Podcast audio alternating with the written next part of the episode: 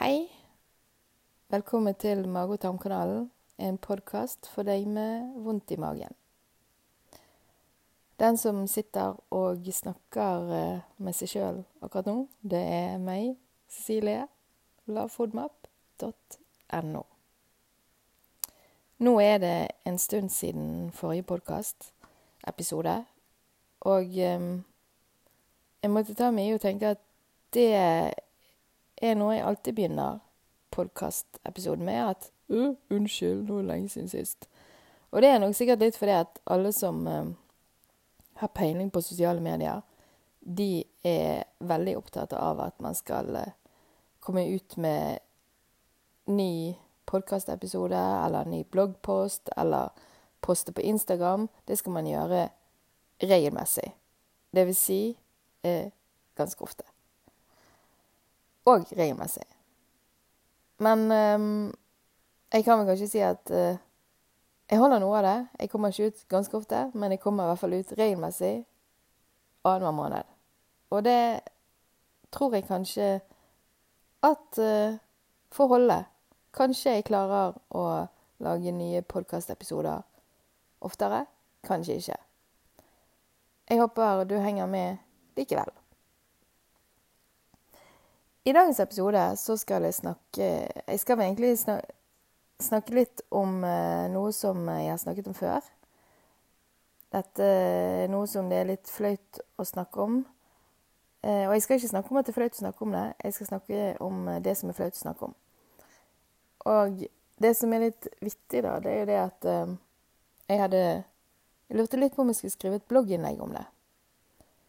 For um, jeg føler på en måte det at det er Selv om det er flaut, så er det, gjelder det så sinnssykt mange at det er viktig å snakke om det. Men så var jeg litt sånn uh, Nei, um, bloggen den leser jo mamma og pappa, kanskje, og uh, familien min. Og av en eller annen grunn så blir det ekstra flaut hvis familien hører på. Jeg holder jo foredrag om eh, mitt indre tarmliv på sykehuset sånn en gang i måneden. Og det syns jeg ikke er flaut, for der er det jo bare folk som jeg ikke kjenner. Nå er det jo, hender det at det kommer folk jeg kjenner på disse kursene, men da er jeg i hvert fall i en sånn rolle der jeg skal fortelle om alt. Og eh, alle er på en måte innstilt på å høre om eh, alt. Og det burde jo for så vidt eh, familie og venner som hører på, være. For de vet jo hva jeg eh, snakker om og skriver om. Men eh, så føler jeg at det er litt ekstra flaut. Og eh, jeg husker når vi skulle eh, ha lanseringen av den eh, siste boken vår, 'Sunn og frisk med sensitiv mage', da var jeg litt sånn mm, Hvordan skal dette gå? For uh, Mari, min medforfatter, som også er klinisk ernæringsfysiolog, hun skulle snakke om lav FODMAP-dietten. Uh, mer teorien. Kanskje ikke så flaut. Jeg skulle snakke om uh, tarmen min, som da er selvfølgelig litt mer personlig. Og um, hele familien skulle komme, i hvert fall halvfamilien og slekten og svigermor og svigerfar og ja. Så det var litt sånn en periode vurderte jeg å eh, levere ut øreklokka øreklokker til familien. Eh, men jeg gjorde ikke det.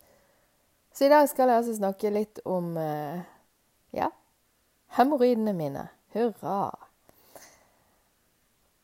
Forrige gang jeg snakket om det, så fortalte jeg at jeg hadde vært på sykehus fordi at jeg plutselig hadde begynt å blø noe helt sinnssykt mye. Og da fikk jeg en akutt akuttime. Den uh, akuttimen, den uh, hadde jeg to og en halv måned etterpå. Og Da kan man tenke seg at det er ganske mange som sliter med dette. her, Når akuttimene de får du to og en halv måned etter du liksom var inne første gang. Mens hvis det ikke er akutt, så er det ti måneder å vente. Så dette er altså noe som eh, veldig mange sliter med, og som eh, også både legen min og eh, han her eh, rumpelegen, rumpetitteren, eh, fortalte meg.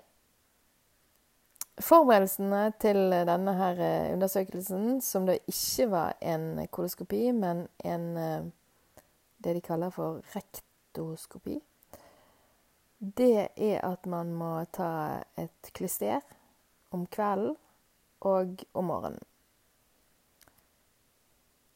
Da trenger man heldigvis ikke faste, og det syns jeg i hvert fall er veldig deilig å slippe. For jeg blir, eh, altså jeg blir ko-ko av å ikke spise fordi jeg er sulten. Og jeg blir ko-ko fordi at jeg får litt lav lavt blodsukker og eh, gruer meg veldig. Og med lav, litt lavt blodsukker, eller veldig lavt blodsukker, så begynner jeg, blir jeg i hvert fall nervøs. Så jeg var glad at jeg slapp eh, å faste. Kom opp til eh, sykehuset inn i den her eh, Heldigvis så var det bare en sånn egentlig en sånn gynekologstol. Og eh, undersøkelsen tok jo bare tre minutter. Jeg hadde jo gruet meg kjempemye. Og akkurat undersøkelsen er det faktisk ikke så mye å grue seg til. For det er ja, som en gynekologisk undersøkelse. Nå er ikke jeg den som gruer meg akkurat til GU, men eh, det er ikke noe verre enn det, i hvert fall. Selv om selv om det, det er bare et annet tull. uh, ja. Uh, etter undersøkelsen så um, fikk jeg jo da beskjed om at det var hemoroider, som vi da hadde trodd. Og jeg tenkte jo det at uh, legen skulle si ja, nå skal du få litt salver og litt sånn remedier, og skal vi se hvordan det går. Men det ser han ikke. Han sa bare med en gang ja, jeg vil anbefale deg operasjon. Så jeg fikk litt sånn Oi, ikke, ikke, noe annet først? Skal ikke vi prøve noe annet først? Nei. Eh, jeg vil anbefale en operasjon. Ja. Eh, og det de gjør da, det er at de opererer vekk disse hemoroidene. Han forklarte meg veldig nøye. Tegnet og greier. Eh, og fortalte da at dette er jo egentlig bare åreknuter. Um, og det er ikke flaut å snakke om åreknuter hvis man har de på leggen. Kanskje litt fordi at man forbinder åreknuter med litt gamlis-greier. Men eh, har du det inni rumpa, så er det litt flauere. Det han fortalte meg, var i hvert fall det at eh, veldig mange har det. Jeg lurer på om han fortalte det at alle egentlig har litt hemoroider, men eh, ikke alle blir plaget av det. Og noen blir veldig plaget av det. Så jeg fikk da høre at jeg hadde tredjegrads prolaps, hemoroideprolaps. Fjerde grads betyr at eh, hemoroidene kommer ut, og at de ikke vil inn igjen. Tredje grads vil si at de titter ut innimellom, eh, og eh, at du må dytte det inn igjen, men at du får det inn igjen. Andre og første grads ingen aning. Det gadd jeg ikke høre på, for det eh, gjaldt ikke meg allikevel. Men eh, sånn er i hvert fall sånn de graderer det. Og um, legen uh, han er på sykehuset ville da at jeg skal operere de ut. Og uh, har satt meg opp på operasjon til høsten en gang. Der og da tenkte jeg ja, ja, det er sikkert fint og flott. Når jeg kom hjem og begynte å lese om det her, så ble jeg litt mer skeptisk. fordi at uh, det så, Selvfølgelig, det man hører om på nettet, er jo skrekkhistoriene. Og det du hører om, da er jo da disse som har tatt disse operasjonene, som eh, heller har lyst til å dø enn å ta en sånn operasjon. Fordi at det er så sinnssykt vondt. For de opererer ut, og så lar de det stå åpne sår inni. Jepp, åpne sår.